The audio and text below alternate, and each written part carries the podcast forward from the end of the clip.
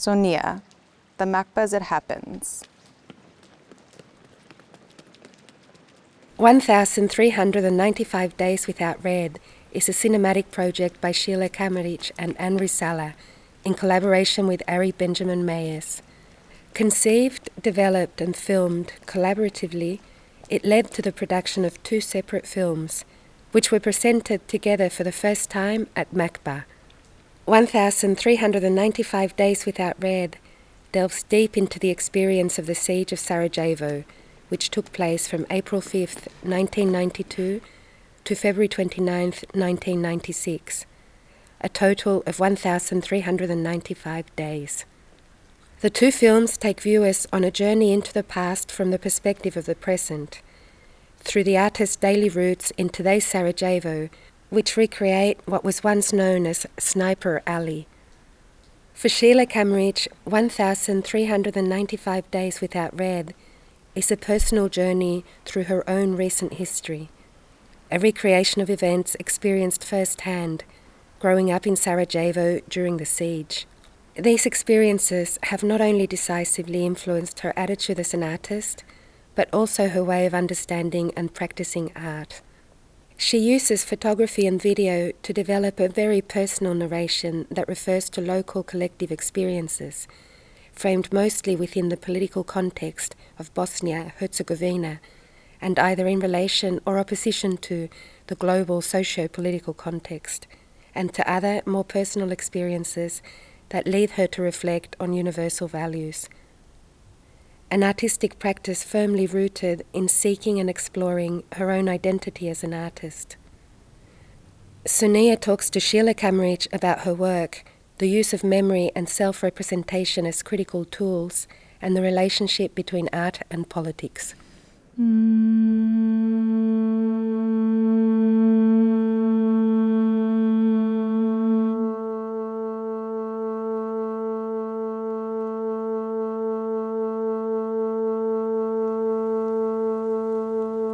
Experience as a major influence? I lived in Sarajevo during the war and during the siege, and of course, that experience influenced all my life and everything that I do, and it's very visible in my works. And very often, I directly deal with subjects close to that experience. And in this case, uh, in 2007, when I moved to Berlin, I was um, having um, lots of discussions and talks with uh, my friend and colleague Anri Sala about that experience. And one of the stories from the route that all the citizens of Sarajevo had to take when they were walking and living in the siege city actually inspired us to start to develop this project. And um, I'm happy that on the end we have a not only one result but two films, which shows also our different points of view, how this story was supposed to be told. And uh, I think that reaction to the films are quite amazing and I'm very happy to see that audience is really reading what our intention was. How films are shaped in the editing room. We conceived, developed, and filmed this project together, and in the process of the editing, we decided to separate and to make two different films. And in the way, you know, it is the same story, but the way how we tell that story is very much different. And that's, in a way, it's also a magic of the film and, and, and uh, possibilities of editing. I think that our focus, what we are focusing in the films, is different, and on the end, they bring different emotion, but all the different experience that you go through seeing these two films come up to pretty much the same uh, story.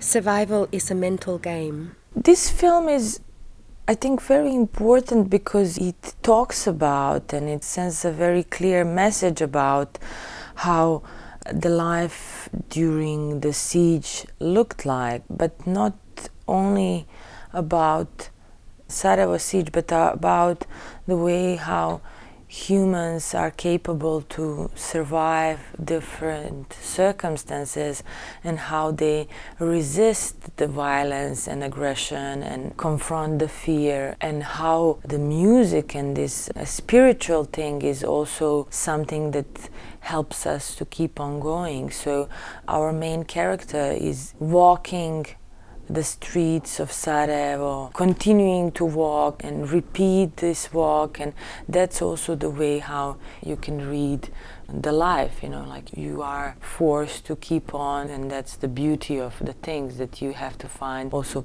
peace and beauty in things. And I think that message is very important, and I'm happy because the films deals with the war, but in this different way, and it has very optimistic message in a way.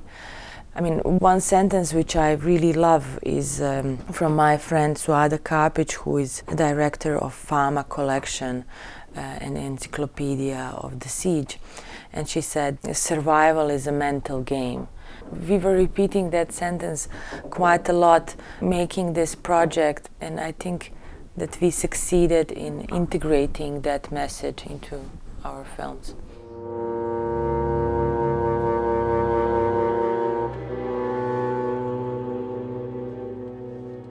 Memory and identity. Very often I come back to the subject of memory and, and identity and but also the loss. And I always start from a personal experience or a personal point of view and that's I think very natural for all of us.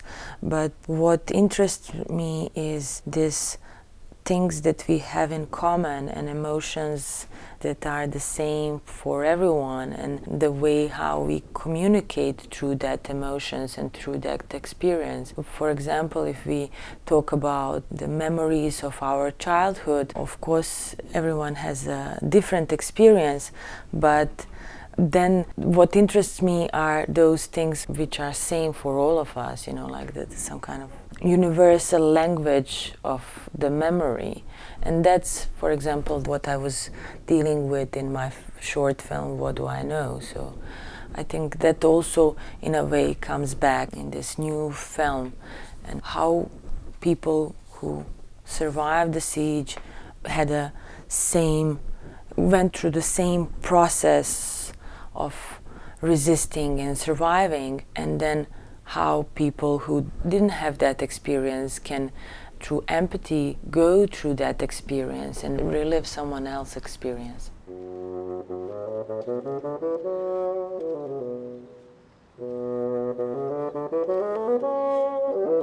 Memories as a universal language. i think that for making something which would work on this emotional level for the audience is very important to displace the story and the subject to another level which is more mental and it works more in a memory domain. Because if you would tell one story just through the facts and if it's a fiction people intend to see that as something that's happening somewhere to someone else. But that's what I was saying when I mentioned these memories and these universal emotions that we all have, and I'm very much in my work interested in this language of the of or symptoms, which then represent and trigger our emotions and our memories. In the film, you could see the um, empty streets and the empty streets are a good example you know they are actually a symptom of something that is happening and i think that for the viewer those things are language that they understand and that they connect with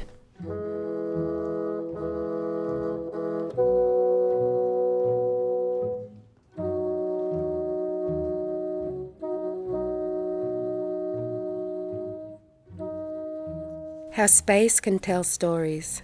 When we developed the story, for me it was very important that we stick to the right place and to the topography of the place. The story goes from east to the west in the city through the one line or one road And the main character, actually, the dramaturgy of the film is influenced by this topography, how crossings are, what's the distance between the crossing, how danger they were, how big they are. And that was also investigating how the space can directly tell the story.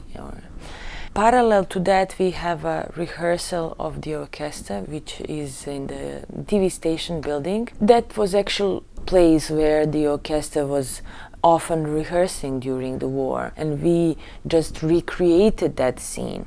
But for us, it was so important to see that space as a indoor junction and a everything what outside or outdoor crossings are not. They are not safe. They are not places where people will voluntarily gather. But indoor these large corridors and spaces were natural place where the things would happen so that like these two poles which overlap and give the sense how the life would function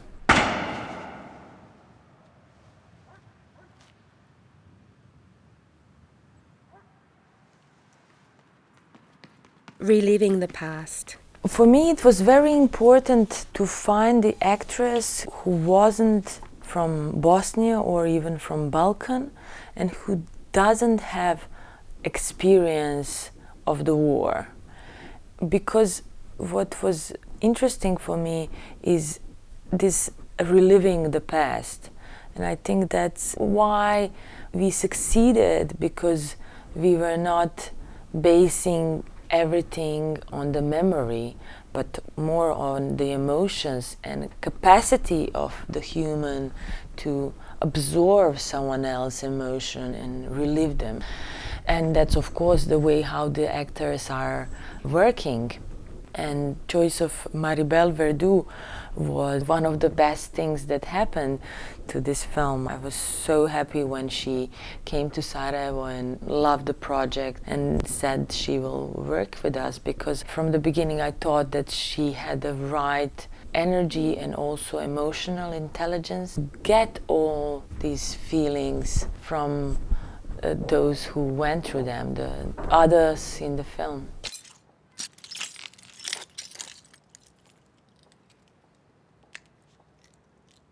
For Maribel, it was very hard because there were no script and there were no partners and props that she can work with. She was on her own on the streets of Sarajevo and with the music that we would give her from time to time to hear what emotions she is going through. And that's why she's so fantastic talented actress that she just knew how to work with those minimal instructions and um, she's very emotional and she could feel things and that's also something which the audience can see and feel through her.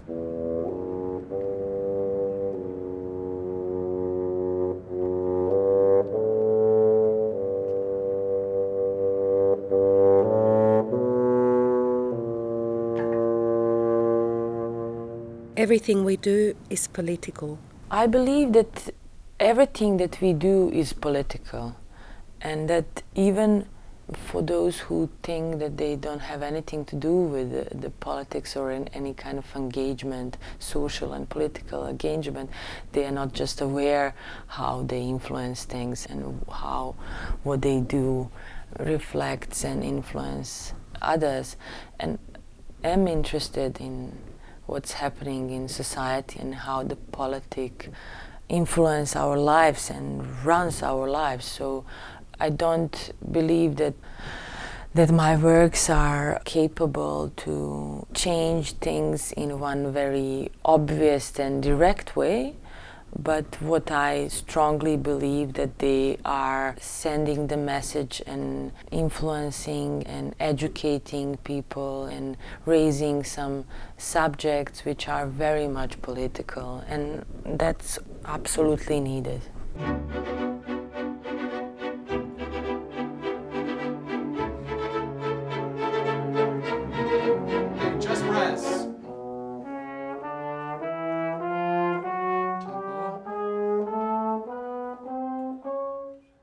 My name is Šejla Kamerić. I'm born in Sarajevo. I'm a visual artist. I just showed my film 1395 Days Without Red in MACBA.